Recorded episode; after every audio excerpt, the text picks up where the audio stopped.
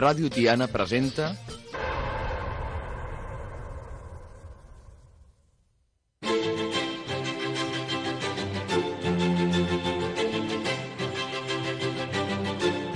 Ara i aquí,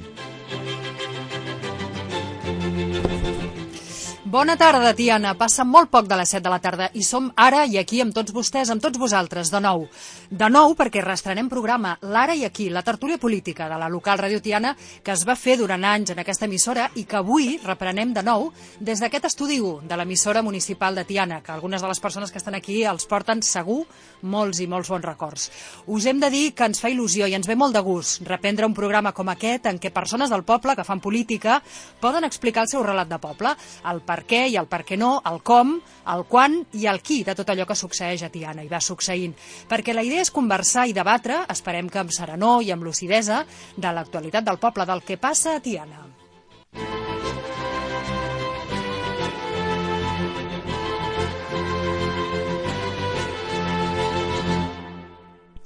Avui, 14 de març del 2017, en aquest moment una mica històric, fins i tot pels que no són fills de Tiana, però ens estimem i força al poble, m'acompanyen en aquest primer programa sis representants, m'haurien d'acompanyar sis, de moment en són quatre, dels sis grups polítics municipals. Uh, de moment, els que han arribat avui són Joan Canyada, regidor en l'actualitat del grup municipal del PDeCAT. Bona tarda, Joan. Perdó? PDeCAT Demòcrates, que sempre te'l deixes. Us podeu acostar els micros, que farem més via. Uh, Gemma Linyan, coordinadora de l'Assemblea de Junts per Tiana.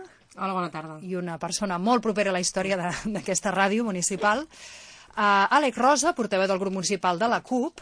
Bona tarda. Bona tarda, Àlex. I un altre portaveu, Diego Parra, que és el portaveu del grup municipal del PP, com saben. Bona tarda. Bona tarda, Diana. Esperem uh, que arribin i que s'hagin recordat que avui tenien aquesta cita important aquí a uh, Ferran Almeida, que com saben va ser exregidor d'Urbanisme del PSC, el primer equip de govern democràtic d'aquesta vila, i després en Ferran Vallespinós, el període 2003-2007. Ell és la persona que vindrà en representació al grup municipal del PSC i després també ha de venir, ens ha avisat que vindrà una mica tard, però que vindrà Ricard Fabra, que també forma part de l'equip de govern, és portaveu del grup municipal d'Esquerra Republicana. Bé, doncs, mentrestant, amb aquestes quatre persones que tenim aquí, molt benvinguts i benvinguda, de veritat que ens fa molta il·lusió reprendre aquest programa perquè significa no, també de normalitat democràtica eh, al país. Bé, doncs, eh, com els vam anunciar quan preparàvem aquest programa, eh, un dels temes dels quals volem debatre i volem que la gent escolti, la ciutadania sàpiga, eh, serà la reurbanització del centre de Tiana. És una llàstima que no hi hagi ningú de l'equip de govern perquè realment són els impulsors del tema i saben, com saben, s'ha aprovat fa molt poc, el, el darrer ple, però en tot cas volem parlar d'aquest tema enfocant-lo en el que pensem que és el moll de l'os de tot aquest debat i tota aquesta qüestió, i és l'aparcament al centre. Aleshores, en l'ordre que de moment comencem en aquest ordre, que seria doncs, PDeCAT, Junts, eh, CUP i PP, després ja vostès s'ordenen vostès mateixos, eh, jo els demanaria eh, que ens exposin molt clarament quin és el punt de vista i el per què dels seus grups municipals sobre aquest tema en concret, és a dir, sí o no aparcament al centre, per què, i en cas que no, quina és l'alternativa? Joan Canyada. Bé, sí, al principi nosaltres estem plenament d'acord. Des del primer dia que es va començar el projecte va ser un dels àmbits que ens va, ens va preocupar i ens va ocupar, que va ser el tema de l'aparcament. Uh, atès que no hi ha hagut uh, en tot el període del projecte cap, uh, cap enfoc per part de l'equip de govern ni cap explicació prèvia conjuntament amb el projecte de, de quins serien els espais que, que serien diguem-ne eh, preparats per aparcar no, no, no ho hem vist clar d'alguna manera veiem que aquest és un dels punts bastant foscos eh, que se'ns ha dit que sí, com cop estigui arranjat el projecte, que estigui acabat, ja es farà un estudi que, que es, de, es determinarà quins, quins, quins espais quedarien. Però nosaltres eh, realment no, no ho veiem clar des del primer dia. Eh, no veuen clar què exactament? No veiem clar aquesta definició en quant a quins espais estaran ubicats pels aparcaments. Uh -huh. eh, vull dir, ens hem de comptar que, que conjuntament amb els aparcaments els àmbits afectats són el, són el comerç, el comerç uh -huh. directament, i això ho hem explicat en, en, en alguna reunió i ho, i ho hem explicat en els plens. Mm. I aquestes dues definicions, la manca d'espais de, per aparcament, la poca definició i després l'afectació que això pugui tenir en el, en el comerç de Tiana. Bé, doncs aquesta seria la posició. Després ja entrarem en el per què i les alternatives. Gemma Linyan de Junts. Bé, eh, si hi ha aparcaments al centre, tenint en compte que el centre no són tres carrers. No és Sant Cebrià, no és l'Anglada i no és el carrer del centre només. Eh, això és eh, tot un, un, un tronc central, però al centre són més carrers. Llavors, Eh, el problema està en si traiem els aparcaments d'aquests tres carrers on ara sí que es pot aparcar tant a les nits els veïns com de dia la gent que, que va comprar amb les zones de 30 minuts i algun espai crec que encara hi ha d'una hora i mitja. El problema és que si traiem aquests aparcaments hem de donar una alternativa per aparcar però també al centre en, en el perímetre de, del centre que és molt més gran el problema dels aparcaments no és nou, el problema dels aparcaments és històric, podríem dir. Quan es va remodelar la plaça de la Vila l'any 1992, corria doncs, que en el projecte s'incluïa uns aparcaments soterrats a la plaça de la Vila perquè ja eh, hi havia manca d'aparcaments. Allò no sé si era una llegenda urbana o realment estava en el projecte i al final no es va acabar fent. Però l'únic pas endavant que es va fer per habilitar una zona d'aparcaments eh, al centre eh, va ser molt més tard, i ja fa molts anys, que va ser a l'església. Es va canviar la petanca d'ubicació i es va fer eh, doncs, tota la zona d'aparcament. Després es va fer, encara es va moure més la petanca el darrer mandat i es va fer una altra zona d'aparcament, però allò té una situació de provisionalitat i de necessitat només eh, a, a, una, a un període molt concret que s'ha quedat petit i que el que ens estem trobant ara és que com que aquest eh, aparcament no és rotatori, doncs de dia et pots trobar que hi ha un cotxe aparcat no un dia sencer, sinó una setmana sencera i no li pots dir res. L'altra cosa a tenir en compte és la topografia de Tiana. O sigui, Tiana és un poble complex, i més en el centre. Ara, les cases i els pisos es fan amb aparcament, però antigament no. Per tant, hi ha molta gent que viu al centre que no té aparcament per deixar el cotxe. Llavors, això s'ha de tenir en compte això, s'ha de tenir en compte la gent que volem que vingui a comprar al centre perquè pugui eh, deixar el cotxe el més pròxim possible a, a les botigues o a l'eix comercial, si li, si li volem dir així, però mm, eh, és evident que no es pot treure tot l'aparcament i dir fem zona, eh, pacifiquem eh, i traiem tot l'aparcament. Bé, primer, podem pacificar posant una pilona, eh? només ho va dir també l'altre dia l'Isaac al ple i, i, i és evident, eh? no cal fer obres per fer això però és que s'ha de donar una alternativa i s'ha de donar una, també una alternativa als veïns que, que hi viuen I, i això ho estem arrossegant de molts anys enrere el Joan Canyada deia eh, no sabem quins espais estan destinats a aparcament nosaltres ara mateix no sabem ni tan sols si en aquests tres carrers que s'han d'urbanitzar està previst o no deixar l'aparcament, perquè el govern no s'ha posicionat al respecte. Molt bé, gràcies. La posició de CUP, Àlex Rosa? Com a CUP eh, no tenim posicionament clar perquè entre nosaltres tampoc estem d'acord en com ha de ser aquest mm, projecte de reurbanització i per tant si no ho tenim clar entre nosaltres vol dir que tampoc està clar entre el conjunt de la ciutadania de Tiana. Això vol dir que falta debat. Nosaltres insistim, falta debat. Mm, d'acord que no tenim el mateix concepte de debat i diàleg que pot tenir l'equip de govern, però n'ha faltat. Pel que fa als aparcaments, totalment d'acord amb la Gemma. Eh, parlem sempre del centre eh, quan parlem de tres carrers, però no és així, el centre és una mica més ampli. Eh, no és difícil tampoc aparcar al centre. Hi ha una problemàtica mm, perquè no tenim alternatives clares o no sabem trobar-les.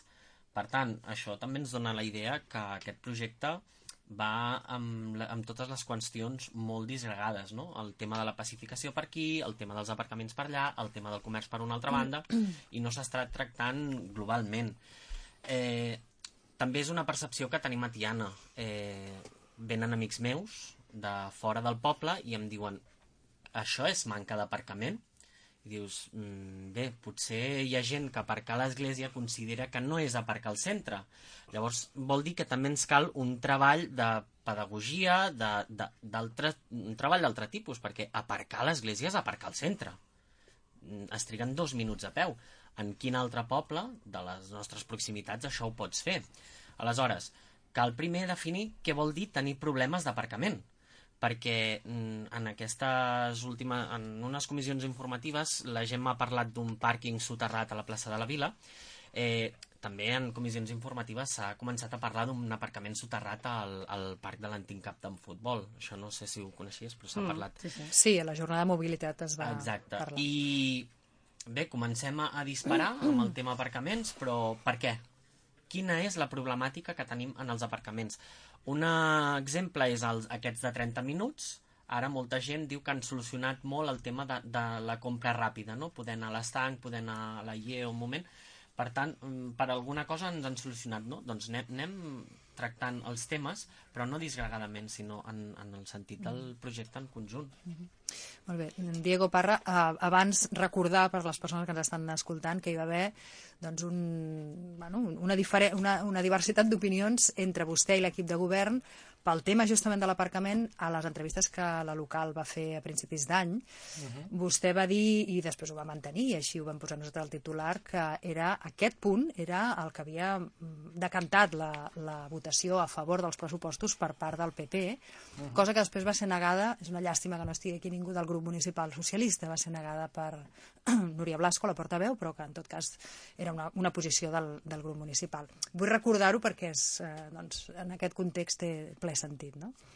Sí, aviam, nosaltres eh, eh, quan, vam, bueno, quan vam parlar amb l'equip de govern, eh, com crec que van fer també els meus companys d'altres partits, eh, i se'ns ha presentat el projecte, etc etc. Eh, el que manté l'equip de govern és en el projecte que eh, allà on volen plantar arbres, que també seria una mesura potser un xic discutible si cal plantar arbres en carrers tan estrets que hi podria caber-hi un cotxe. D'acord? El que nosaltres diem és que eh, són uns carrers molt sensibles. Per què? Perquè tenim negocis, i un d'aquests negocis és un taller mecànic, que per tant eh, treballa amb cotxes. Necessita entrar, sortir, Mm, portar-li peces, etc etc. ell no pot estar senyit a uns horaris com aquest, com a altres problemes que puguin tenir altres veïns i altres eh, comerços que estan en aquests carrers.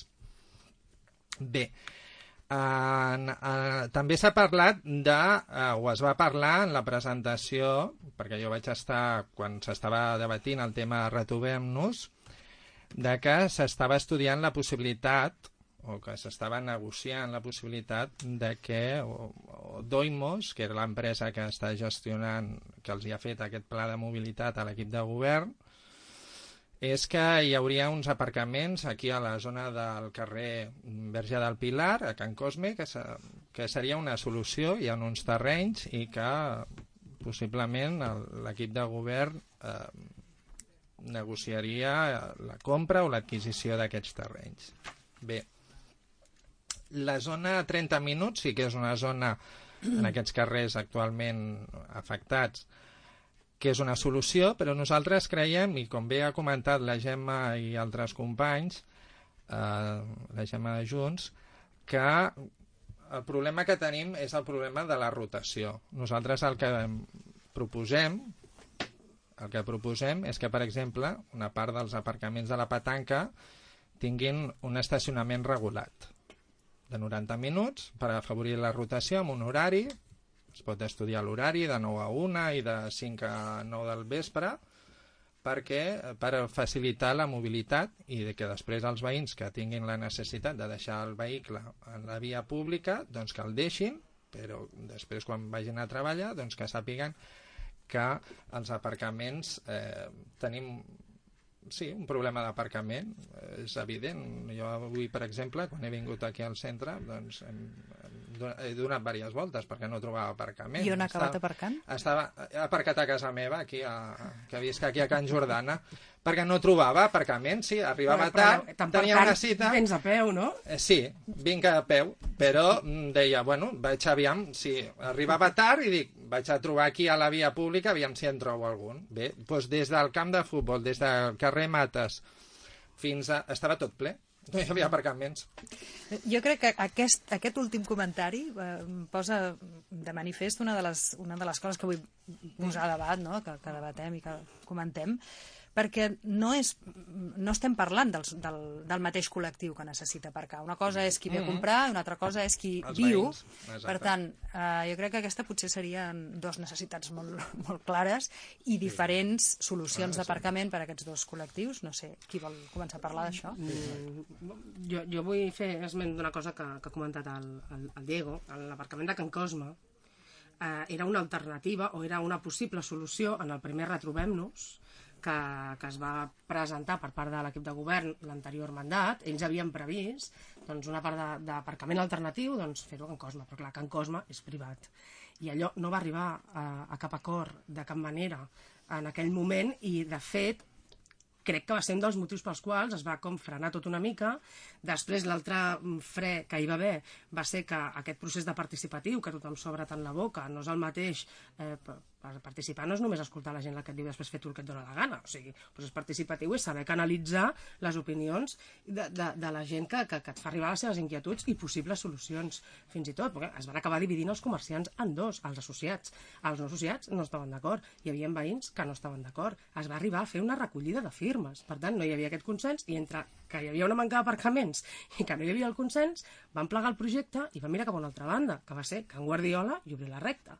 Que això és un altre projecte, que és un altre debat i que no estava en, en els seus plans. Per tant, Can Cosme està molt bé, però clar, tu has de portar, si realment vols tirar endavant això, has de portar a, a, al projecte tancat en aquest sentit. I sí, s'han de buscar alternatives d'aquest tipus, perquè no ens podem inventar els terrenys Que passa que, que, que, que, que no tenim. El que passa que de, de Can Cosme es va parlar ja fa, fa uns quants anys. Fa molts eh? anys. I realment eh, el fet de que sigui privat és un entrebanc, però després, en el primer, la primera vegada que es va començar a parlar de l'aparcament de Can Cosme va ser anivellar, o sigui, posar-lo a l'alçada del carrer. Això tenia un cost eh, impressionant. Vull dir que el primer, la primera vegada que es va començar a parlar d'això va ser bueno, que hem de pujar tot el terra en l'aire perquè els cotxes no hagin de baixar, perquè serà més fàcil. Això és molt car.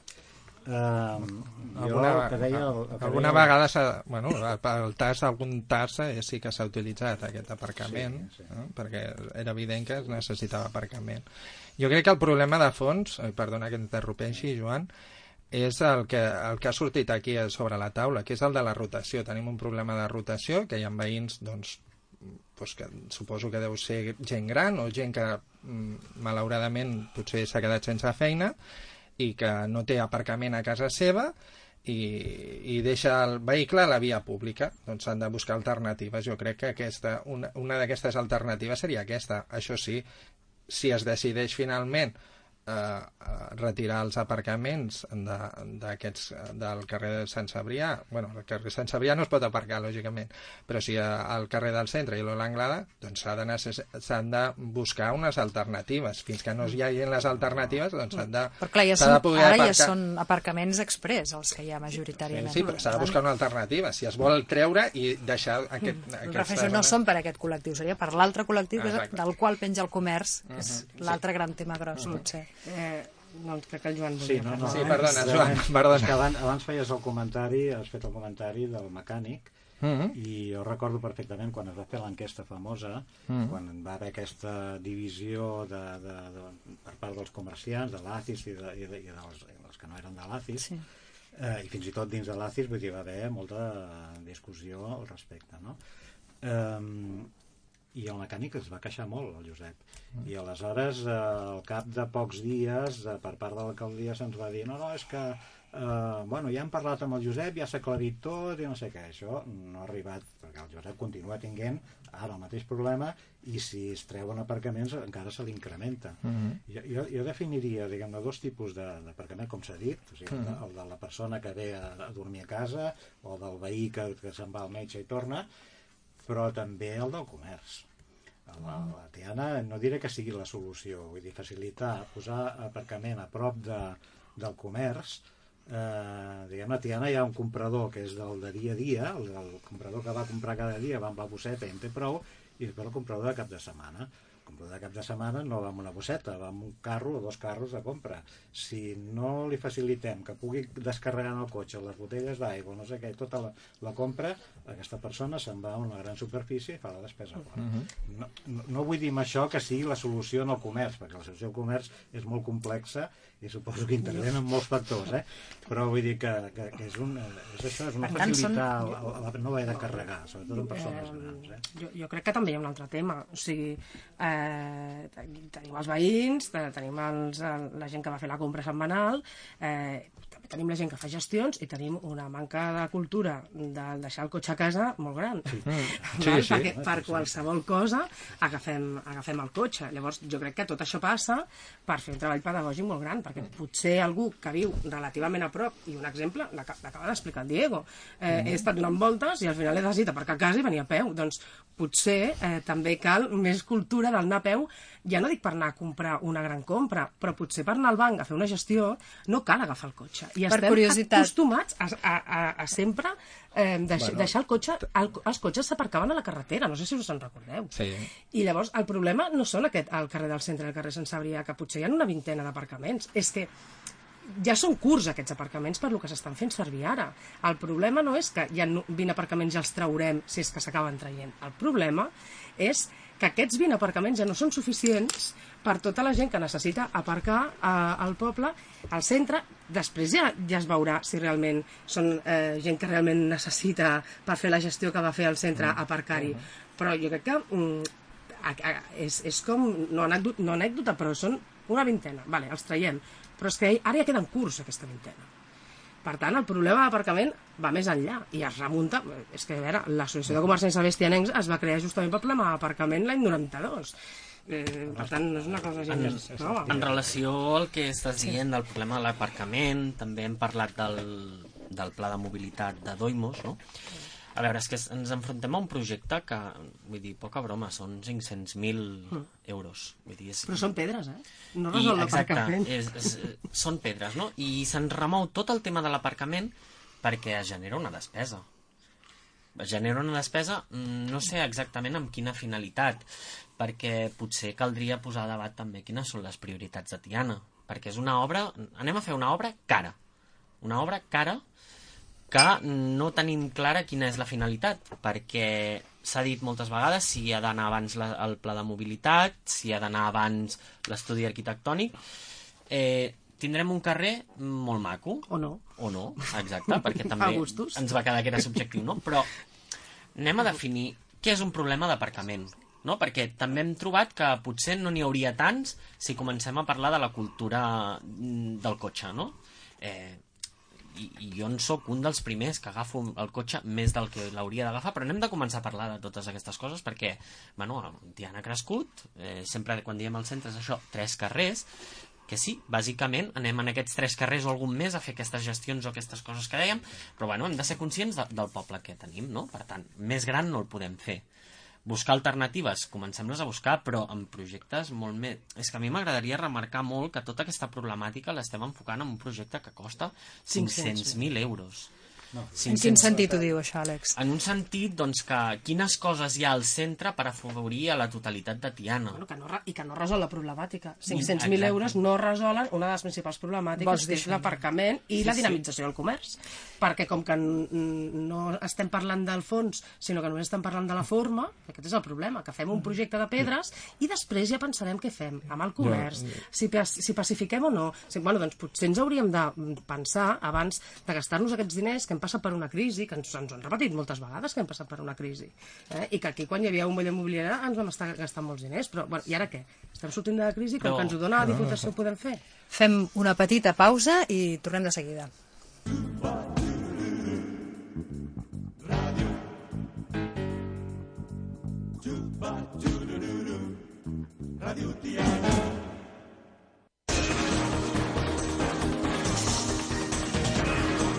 Twitter i Facebook t'informen de Tiana. Assabenta't de tot el que passa, estigues informat al moment del més destacat. Tot el que passa ho expliquem al moment a les xarxes socials. Segueix-nos a Twitter, arroba la local Tiana, Segueix-nos a Facebook, la local Tiana. i assabenta't al minut del que passa al teu poble. La local Ràdio Tiana. Torna't a connectar.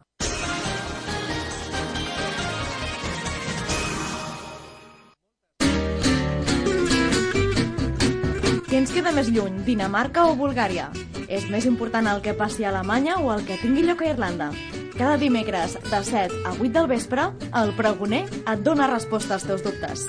a través de les darreres notícies, reportatges en profunditat o connexions des de qualsevol part d'Europa podràs conèixer de primera mà tot el que passi. El Pregoner, una nova manera d'entendre el vell continent, a Ràdio Tiana.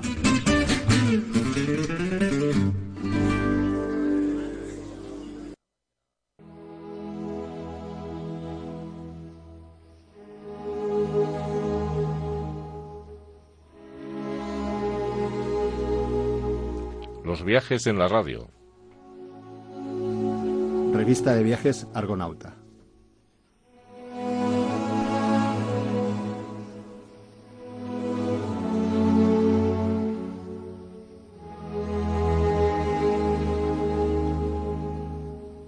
Escolta la revista de Viajes Argonauta tots els dimecres a les 6 de la tarda a Ràdio Tiana. Ràdio Tiana. 107.2 FM. Ara i aquí, a Ràdio Tiana.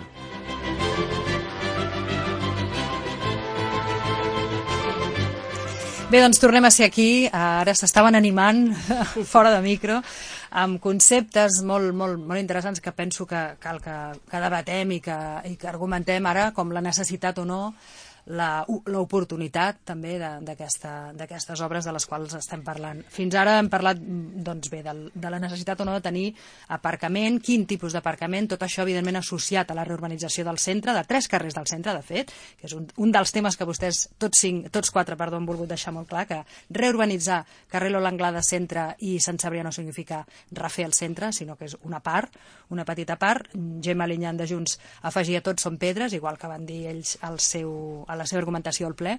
En tot cas, eh, reprenem una estona més aquest, aquest tema, potser des del, això que dèiem, no? de, de la distinció dels dos col·lectius que necessiten aparcar, la persona de tota la vida que no té aparcament perquè viu en una casa vella o no pot aparcar, eh, aparcar, pagar aparcament, perdó, i la persona que havia a comprar, els amics que venen a veure l'Àlex Rosa que volen aparcar al centre i que potser doncs, no, no ho poden fer en determinades hores o només ho poden fer mitja hora i això és molt estressant, com ens deien un dia a Can Vilaró, que les senyores venen amb el mòbil, amb el cronòmetre, que ens explicaven això, aquesta imatge tan gràfica, perquè els, els, 29, se- els 29 minuts que tenen... No, sí, sí, en 30 30, segons, 30. 29 quan entren a la botiga, em deien, doncs, doncs per tenir-ho ben clar, no? Quines són les alternatives? O... I després també voldria, en, en relació a això, que debatem o, o parlem o analitzem, si han servit o no els aparcaments express per la seva, per, pel seu objectiu, que evidentment és fomentar el comerç. Aviam, jo, perdó, jo crec que als aparcaments express hi ha diversitats de tots tipus. Eh? Que trobar un, con, un consens eh, sobre si és... si, si són útils o no útils, bé, jo crec que, que es queda curt. Jo crec que es queda curt per fer algunes gestions. Per eh? què?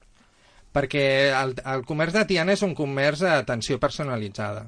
Llavors, mm, sempre que vas al, a Tiana, sempre et trobes amb gent. Llavors, clar, si tens que estar pendent del teu rellotge, si és mitja hora o no mitja hora, i si et posen una multa...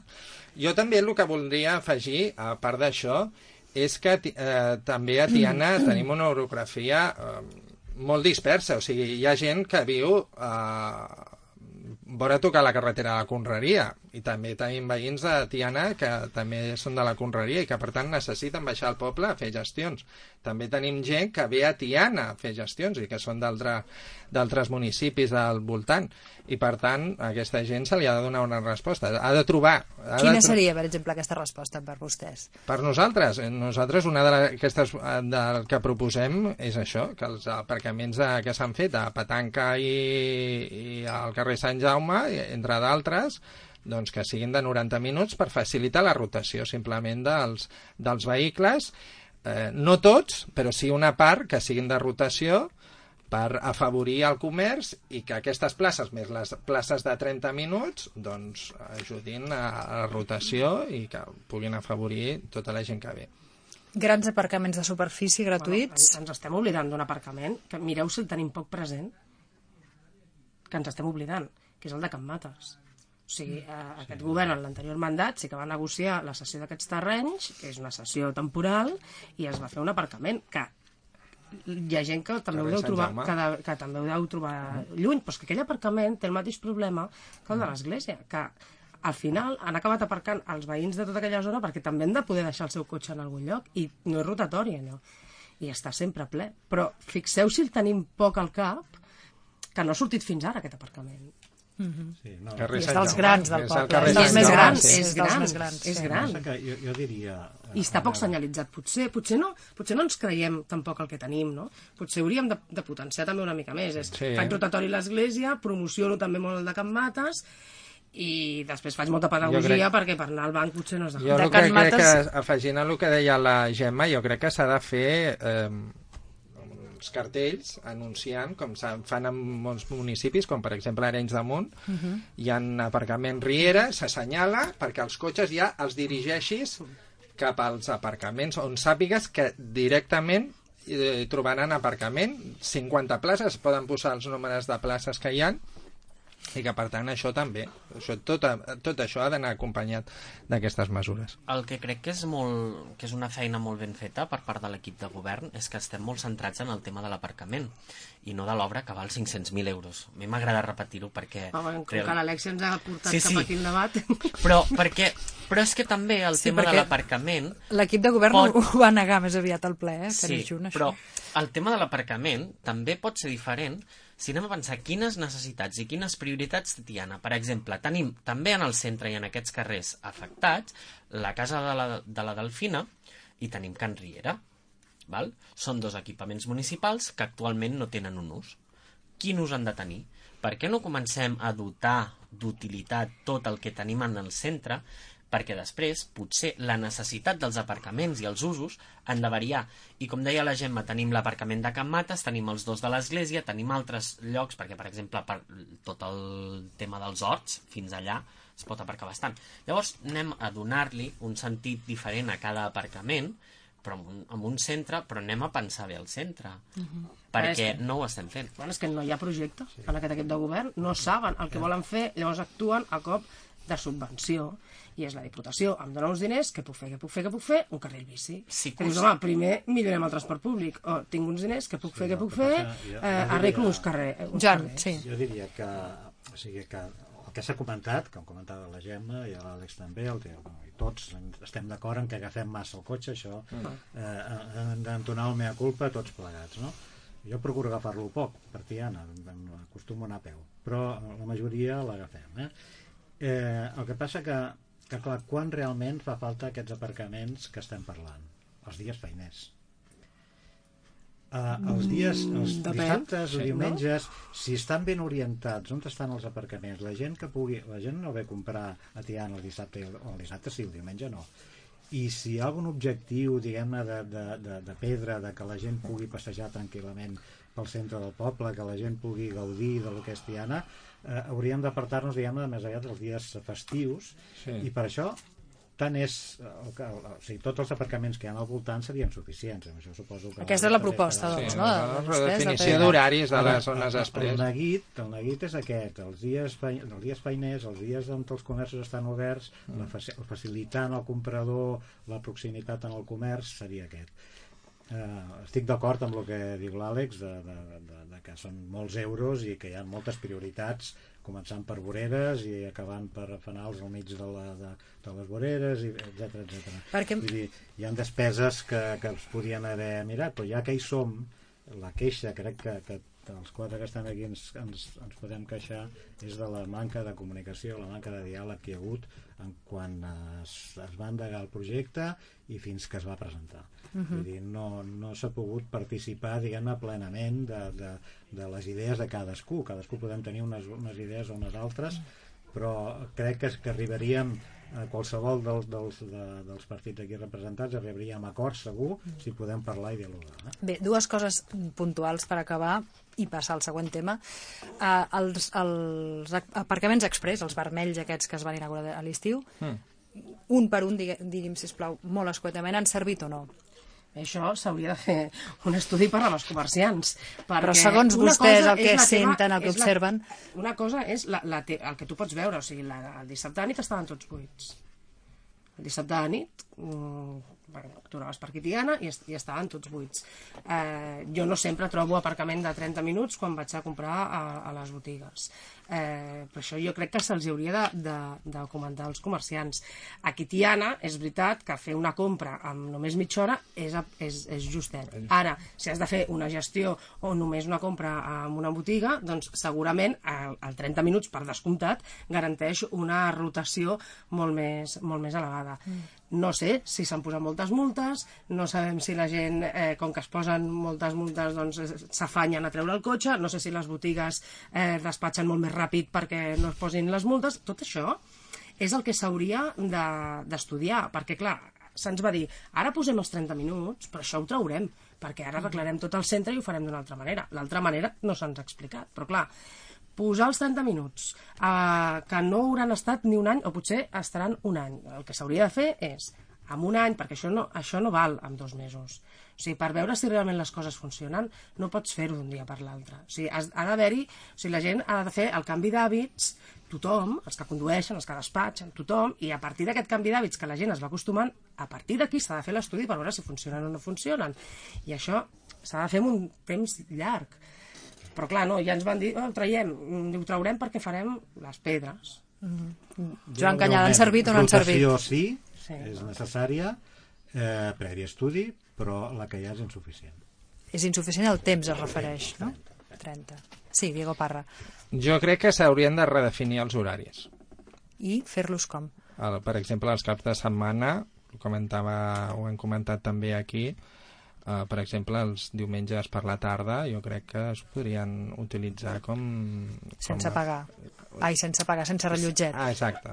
exacte. I matí també es podria fer. O sigui, jo crec que s'ha de redefinir els horaris de l'aparcament express. En, entre setmana jo veig que sí que tenen sentit i que són, sí, són per útils, vostès els 30 combinables, minuts. combinables amb, amb zones de 90 minuts, però jo crec que s'ha de fer un, una redefinició dels horaris si per exemple un dissabte per la tarda que hi ha molts comerços que tanquen perquè la majoria dels comerços que tenim són d'alimentació doncs si són necessàries o, o és necessari fer aquesta regulació express. Uh -huh. Àlex Rosa? Bé, eh, parlant amb, amb comerciants i amb tianencs i tianenques, la percepció dels 30 minuts és positiva. Ara, són percepcions. No... També hem de dir, eh, jo quan vaig aparcar sé que si vull anar a la Palmira que entro i surto, o vaig al 30 minuts sé que si vull fer una cosa més llarga tinc els de 90 però cal que comencem a identificar aquestes zones perquè els de 90 la Gemma al principi ha dit crec que queden sí, n'hi ha, N'hi ha de baix, de sí, tot, no? n'hi ha, n'hi ha de baix I al carrer del sindicat, i el, exacte Sí. i potser aquests de 90 ara caldria sí, una miqueta més lluny perquè són que els de 30 no ho sé, no? és que no en tinc ni idea de mobilitat perquè també anem fent aquí les coses que le- les anem inventant És que els de 90, I- Àlex, si tens la- l'adhesiu aquell de l'Ajuntament a matrícula del cotxe, eh, no, pots estar totes les hores que vulguis. això no Com, sabia jo, veus? Clar, A mi, a mi el que si també em sap molt de greu, i dic que em sap doncs, molt de greu, és que la policia, que té la comissaria aquí al costat, per pujar a mirar tot el tema dels aparcaments, aparqui ocupant un dels aparcaments, ja sigui de 30 minuts com de 90. La I a mi això, dius, home, A no, quins carrers no, passa, no això? ocupis, home, al carrer del centre de carrer l'Anglada. Uh -huh. Habitu és habitual. I a mi em sap greu, ho dic així, perquè jo crec que justament la policia ocupar una plaça, doncs no. I el de, ja, sortint una mica del tema, el de minusvàlids a davant de la caixa, allò és un aparcament... És per treure diners. Per treure diners, eh? No és pel allò, eh? Que, que, que, que nassos, eh? Bé, l'última cosa molt, molt, molt ràpida, eh, els vull demanar així en ronda, que ens diguin, no si venen de casa o de casa de la nòvia o del nòvio, és igual això, si, si venien del centre o de fora de Tiana i si han vingut en cotxe o a peu. jo venia de casa que és a 4 minuts del centre i he vingut amb cotxe perquè marxo I ha pogut aparcar fàcilment? sí, a la primera, aquí a la plaça de la Vila Uh -huh. I jo vinc del parc de l'antic camp de futbol, eh, he vingut a peu i haig de marxar volant. sigui, que surti tornarà a peu volant. volant Les ales per, Joan. per, per anar on haig d'anar. Baixarà rodolant sí, carrer Mates. Molt bé. Diego Jo parla. venia de, de l'institut de, bueno, on treballo. O sigui, de fora de teníem Tiana... avaluació, Bueno, sí, teníem avaluació. i venia perquè havia quedat amb una persona aquí a l'Ajuntament i per això feia tard i, bueno, jo us he explicat el Sí, meu sí. periple. Mhm. he, donat, he pujat per al carrer Mates, no he vist lloc, eh, he baixat i aquí als aparcaments d'aquí de del carrer Mediterrània tampoc n'hi havia, doncs dic, baix, baixo cap a casa i ja està, i la parco allà. La Gemma. Mm, Jo venia del, amb tren de Barcelona, he agafat el cotxe a Montgat, he pujat amb cotxe directe i he pogut he trobat un aparcament de 30 minuts i un d'aquests que no està res, al carrer Marquès de Monistrol, que, és, que, que no està senyalitzat. I com que venia aquí és més de 30 minuts, he aparcat a l'altre. Molt bé. Crec que és, com a per fotografia és, és bastant bona, no?, també, de les necessitats. Jo haig de dir que vinc en cotxe perquè visc en un altre municipi i no és difícil mai trobar lloc, eh? Si no et fa res caminar de la patanca aquí, si no et fa res caminar... Jo crec que s'ha de tenir perspectiva i a vegades no en tenim. O sigui, Tiana és un municipi petit, ja sabem que a vegades eh, bueno, que hi ha moltes pujades i baixades, Mm. però quan anem a, a comprar Badalona, aparquem a la zona blava del museu i baixem al carrer de Mar i caminem, caminem clar. més que des de l'església a Calanita. Sí. Mhm. Val? I si anem al Condis, jo recordo que hi ha aparcaments del Condis, eh? i si anem a una superfície comercial, caminem moltíssim per la superfície comercial per comprar la llauna de tonyina i el xampú. Eh? Això a vegades és canviar És una mica eh? cultures, Sí. cultures, Sí. cultures. Bé, doncs, eh, evidentment, no podia deixar de sortir en aquesta tertúlia la recent sentència, la, la que es va conèixer ahir cap al migdia, sobre el 9-N. No? Aquí hi va haver una concentració dos quarts de vuit. Uh, evidentment, el contingut el coneix tothom, no? les tres persones, Artur Mas, Joan Ortega i Irene Rigau, sí que, sí que han estat eh, bueno, apartades del càrrec, no poden ocupar aquests càrrecs durant temps diversos i la prevaricació en principi no, no, no han estat acusats de prevaricació. Sí que voldria un comentari, si us plau, d'aquests quatre membres de l'oposició. De moment la tertúlia va, va per aquest camí, per la, pel camí de l'oposició. Sí, sí. T'han plantat, eh? El Eh, plantat. sí, sí, sí, em sap una mica de greu, realment. Ens ha plantat. Ens ha plantat. Aquest primer programa eh, tenia com una càrrega simbòlica important, però vaja. Uh, el, el, el senyor Fabra sí que sabem que està fent, bueno, està fent una sèrie de gestions a Badalona i, i ell comptava en venir abans, eh? Segurament ha tingut mala sort. Potser no ha pogut aparcar, no ho sabem, venir a Badalona. Està, potser està fent la ruta turística com el Diego per poder aparcar. Per poder... Sona el timbre. Ah, sona el timbre, doncs potser ja el tenim aquí. Bé, doncs no sé si vol començar el senyor Parra, que potser doncs, és Sí, una seré persona una, que sap... mica la... Bueno, eh, bé, jo crec que en aquest tema sí que no ens posarem d'acord. bé, nosaltres, com sempre hem fet, ab- absolut respecte a les decisions eh, judicials, com jo crec que no pot ser d'una altra manera, i bé, en tot cas, el que sí que volem valorar és que suposo que aquí hi haurà molta gent que no estarà d'acord amb, amb el que jo digui, però jo el que ha quedat clar és que si una persona se salta unes indicacions, en aquest cas del Tribunal eh, Superior, doncs lògicament té les seves conseqüències. Una persona que va a 100, a 120 per, una, per un tram que es pot anar a 80, doncs té la seva multa. Mm, Bé, estem parlant de, de càrrecs polítics. Mm, Bé, això és la qüestió de cada partit com el vol portar al seu terreny, no? Lògicament, les decisions que no ens agraden, doncs lògicament mm, seran criticables i les decisions que estiguem d'acord doncs, o que ens afavoreixin doncs ens estarem d'acord però en tot cas jo sé que seré la nota discordant en aquest, en aquest punt del debat però bueno, és la nostra posició Molt bé, moltes gràcies, De Diego res. Parra, per la seva claredat sempre sobre aquest tema. uh -huh. Uh, Joan Canyada. Sí, en principi, evidentment que no, tot i el respecte que ens hem de tenir... a- Perdoni un segon, Joan. Uh, donem la benvinguda a Ricard Fabra, portaveu d'Esquerra. Perdoneu el retard, però... Sabem, sabem que estava- Vinc de la notaria i mai se sap quan se surt, i ho sento. Bé, doncs estem fent una ronda de, de reaccions a la sentència d'ahir coneguda sobre el tema del 9-N. Joan Canyada. Doncs això que deia, diguem-ne que tot i estant en desacord amb la, el respecte que ens hem de tenir amb el, amb el Diego, eh, evidentment, vull dir, eh, qualsevol sentència penal en els àmbits en què s'ha produït aquesta vull dir, és totalment antidemocràtica creiem que no té cap eh, raó de ser eh, diguem-ne atesa la, la vessant política de, de l'afer que ens ocupa. Eh, aquesta, com bé deies Alexia, vull dir, aquesta ha estat només per desobediència, no per prevaricació. Veurem ara les de les restes que queden de, de, de l'OMS i la presidenta del Parlament aviam com quedaran. Però clar, la, la sentència amb el president Mas i la Irene i la Joana Ortega diguem-ne demostra que estem en un estat de...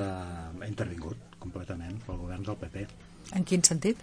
home, eh, eh, fan i desfan eh, eh, apliquen les sentències judicials a accions polítiques i això és un estat intervingut per nosaltres, creiem, Mm. plenament. Molt bé. Uh, senyor Àlex Rosa. Perdó, només una cosa, diguem-ne, Sí, endavant. que suposo que també dir que, que estem, en, un, en un punt de difícil retorn en l'anciat de diàleg que sempre hem manifestat i que encara i pues, podrien ser a temps, no? però un punt de no retorn amb els diàlegs eh, bilaterals amb el govern de l'Estat i el govern de la Generalitat. Endavant. M'agradaria matisar això que acabes de dir, Joan, perquè has dit primer un punt de difícil retorn, després has dit no. Clarament estem en un punt de no retorn. També m'agradaria fer esment a una altra cosa que has dit, que és el respecte que ens hem de tenir. És que el respecte, eh, estic cansat de dir-ho, i amb aquesta setmana que ha passat el tema de l'Acteoir i tal, que s'ha demanat molt de respecte... Al, El tema de la? de l'Acteoir, de Sí. la transfòbia, que s'ha demanat molt respecte a la gent catòlica, el respecte sempre ha de ser bidireccional. Jo ho repeteixo 50.000 vegades al dia en el meu alumnat. El respecte ha de ser bidireccional. I aquí aquí s'ha faltat el respecte és no només al govern de Catalunya, sinó als més de 2 milions de persones que van votar. I això no és com anar a més de 120 per l'autopista, és la voluntat d'un poble i el dret a decidir. És que no estem parlant d'infringir les lleis, estem parlant del dret a decidir de Catalunya i s'està judicialitzant la voluntat d'un poble. M'agradaria fer èmfasi en això que deies, punt de no retorn, és a dir, eh, el que em fa més ràbia de tot és que la sentència d'ahir no em va sorprendre. Sabíem a quina hora sortiria, però eh, no em va sorprendre gens, no m'esperava De, pas... de cap de les maneres? No, no, no em va sorprendre gens. Em va sorprendre, dic, mira, encara, encara pocs anyets han posat, no?, per, pel que podria haver Per això estat. li pregunto, sí. Però no, no, no, no, no em sorprenia que el tribunal s- judicialitzés d'aquesta manera i fes un, un judici tan polític. Ens estem, malauradament, acostumant a veure-ho dia a dia. No estic gens sorprès. Mm -hmm. Molt bé. Gemma Arenyan. Jo, és que, clar, eh, no sé si tanta estona parlant dels aparcaments i dels cotxes, el Diego s'ha anat cap a aquesta banda i ha acabat comparant la llei de trànsit amb la democràcia. Eh, o sigui, no es pot comparar. Tu, una cosa és saltar-te la llei de, de trànsit i, i anar begut conduint o saltar-te un semàfor i l'altra és no poder preguntar al poble què vol, perquè és que el que va passar aquell dia va ser això, eh, el 9-N. Eh, L'altra cosa, home, el Tribunal Constitucional no és un òrgan judicial independent. O sigui, el Tribunal Constitucional, eh, de fet, no jutja. El Tribunal Constitucional és una eina que té el govern espanyol mm, per, per, per censurar, eh, en aquest cas molt concret, que ja estem veient, és la voluntat del, del poble català i dels seus mandataris. Eh, sobre el procés, bé, és que estarem tots d'acord en que això no, la sentència, eh, clar, vull dir, clar que hi ha sentència i clar que hi ha inhabilitació. Un cop el, els hi presentes una querella a la força, que gairebé obligant els fiscals, els portes a judici i els acabes jutjant, home, clar que els inhabiliten, que farien el ridícul més estrepitós si, si no els inhabilitessin. El que passa que no han pogut provar la prevaricació i si la desobediència, perquè tampoc som tontos i també sabem tots que si aquest país tot hagués funcionat amb voluntaris i amb les empreses que ho haguessin deixat tot a punt el dia 4 i a partir del dia 4 tot funciona tan meravellosament bé com el 9-N, ostres, doncs ja m'agradaria que funcionessin així les coses amb, el, amb altres aspectes, no? Vull dir, que tontos no som nosaltres, ni la Fiscalia, ni el govern espanyol, però que és evident que tot el procés judicial del 9-N és una, és una estaca del, del govern espanyol contra, contra l'autonomia de Catalunya i contra el poble català. Governi qui governi i qui prengués les decisions. Ricard Fabra, que a més a més de portaveu és eh, coordinador de l'àrea de transició nacional municipal. Home, ja tinc tantes coses a dir que... que Si pots resumir així, quatre o cinc idees. intentaré resumir. Uh, hi ha una cosa que m'agradaria remarcar que s'ha dit, uh, que és el retorn. és que no hi ha hagut no hi ha hagut un anar. Un retorn és quan et tornen alguna cosa. Ningú ens ha retornat res. Eh, senzillament se'ns ha pres. I se'ns ha pres com a país, com a poble uh, jo mm, ahir vaig, vaig defensar i vaig estar en l'acte com molts dels companys que estan aquí uh, defensant vaig dir el president expresident Àlex ara he corregit però eh, per mi és el president perquè és el president de tots els catalans. És una institució eh, és, és, és una figura el que s'està perseguint. Eh, i han volgut judicialitzar la política. I, i, i com ho han fet? Utilitzant una eina com bé deia la Gemma eh, el Tribunal Constitucional no és un òrgan jurídic. No està a la judicatura. O sigui, l'últim estament que hi ha és el Tribunal Suprem. I, i després és el Tribunal Constitucional que diu el que diu Bueno, que vetlla per, que vetlla per la Constitució. que vetlla per la no? Constitució Ja està. que ells volen És interpretable, No, no, és no, interpretable per- la Constitució és- també, és- clar. és, és allò que dius Passada pel raspall del fuster. Eh? Ah, exacte, uh, lo passarem, uh, això ho va dir el, Alfonso Guerra. Val? Uh, pel ribot. Uh, doncs, mm, doncs no, aviam, uh, hem de tenir una dignitat, uh, defensem el que defensem des dels punts de vista que ho defensem, crec que hem d'anar una, hem d'actuar com a país, hem d'estar tots implicats, i és el que vaig dir. Mhm. I, i jo ho veig així. Lo de més ho veig una tonteria, ho veig una, una falta de respecte cap a uh, un poble. És a dir, uh, si volen que ens inhabilitin a dos milions i mig de persones que van anar a dir el que volíem dir. Mhm. i només vam anar a votar.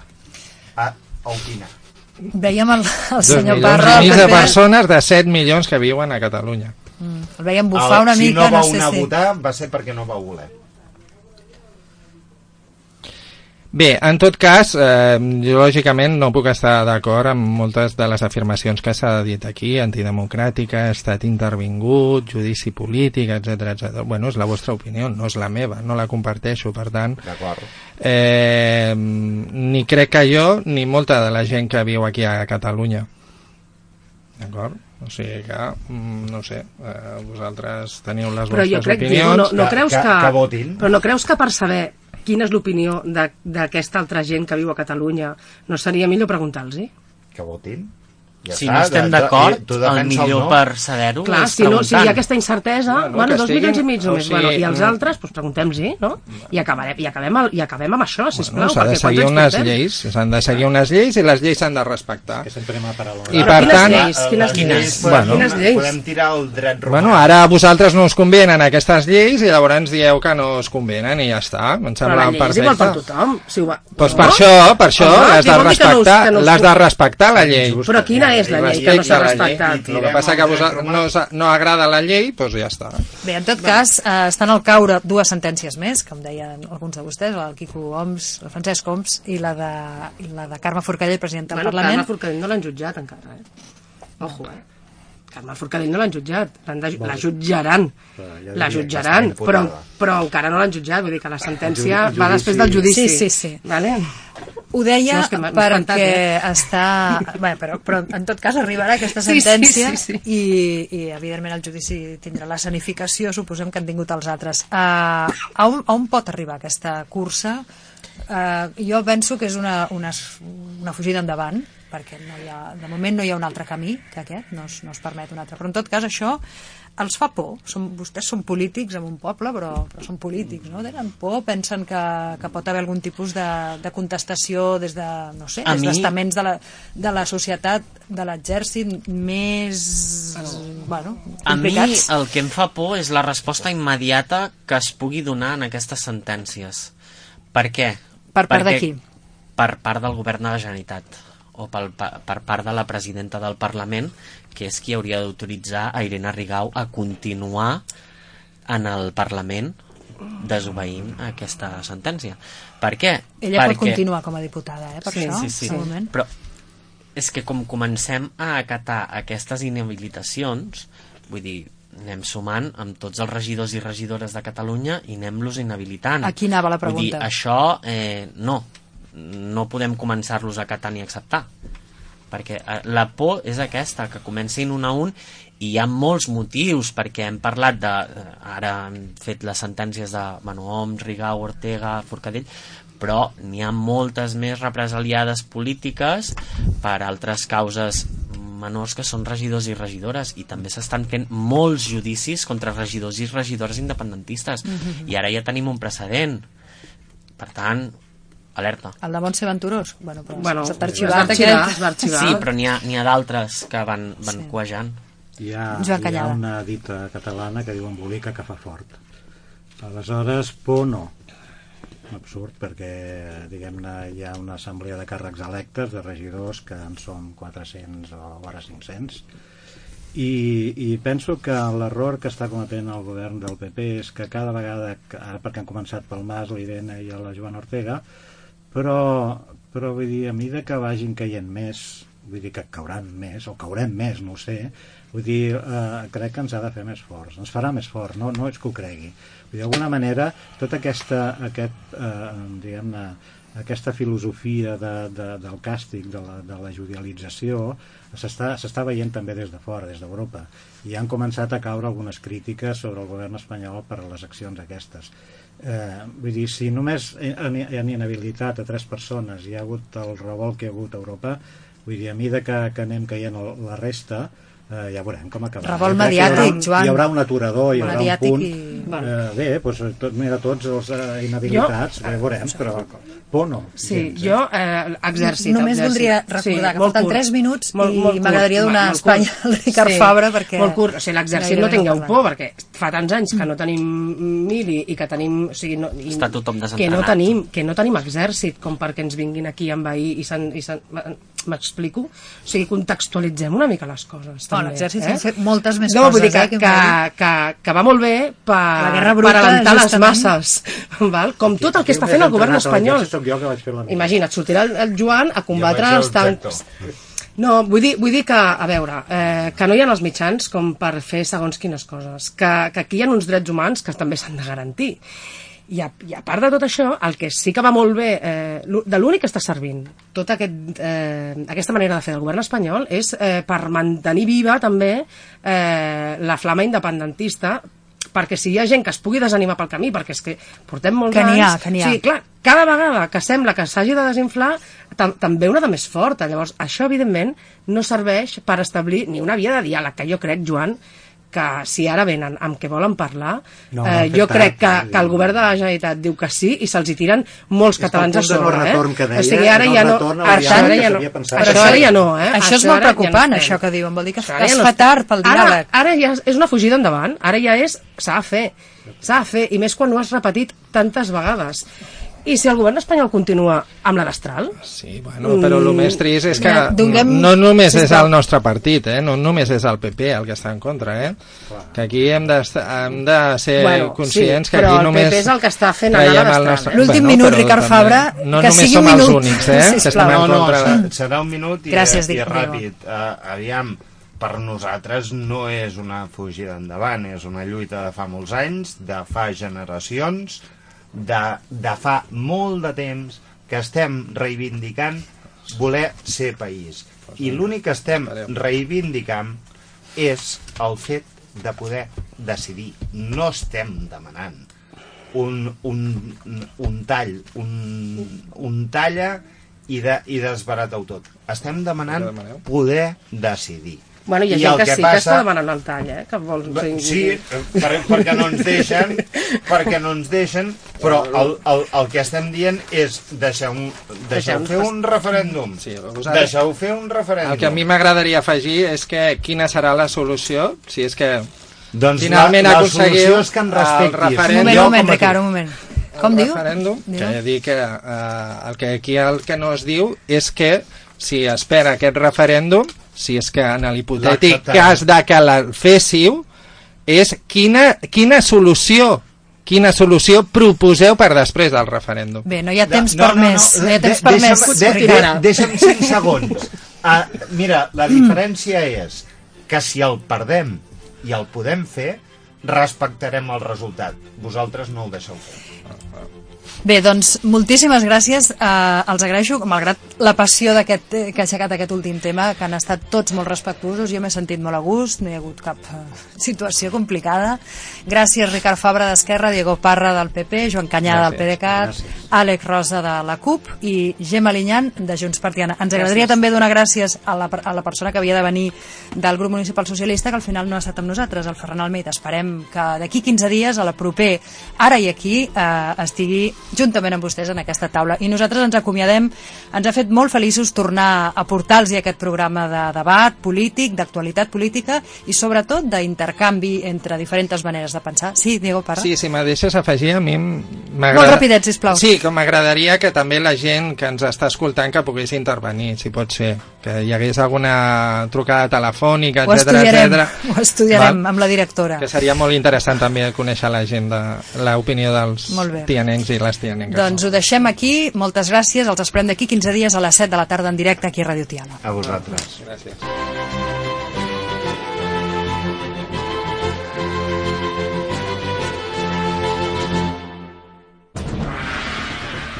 Serveis informatius.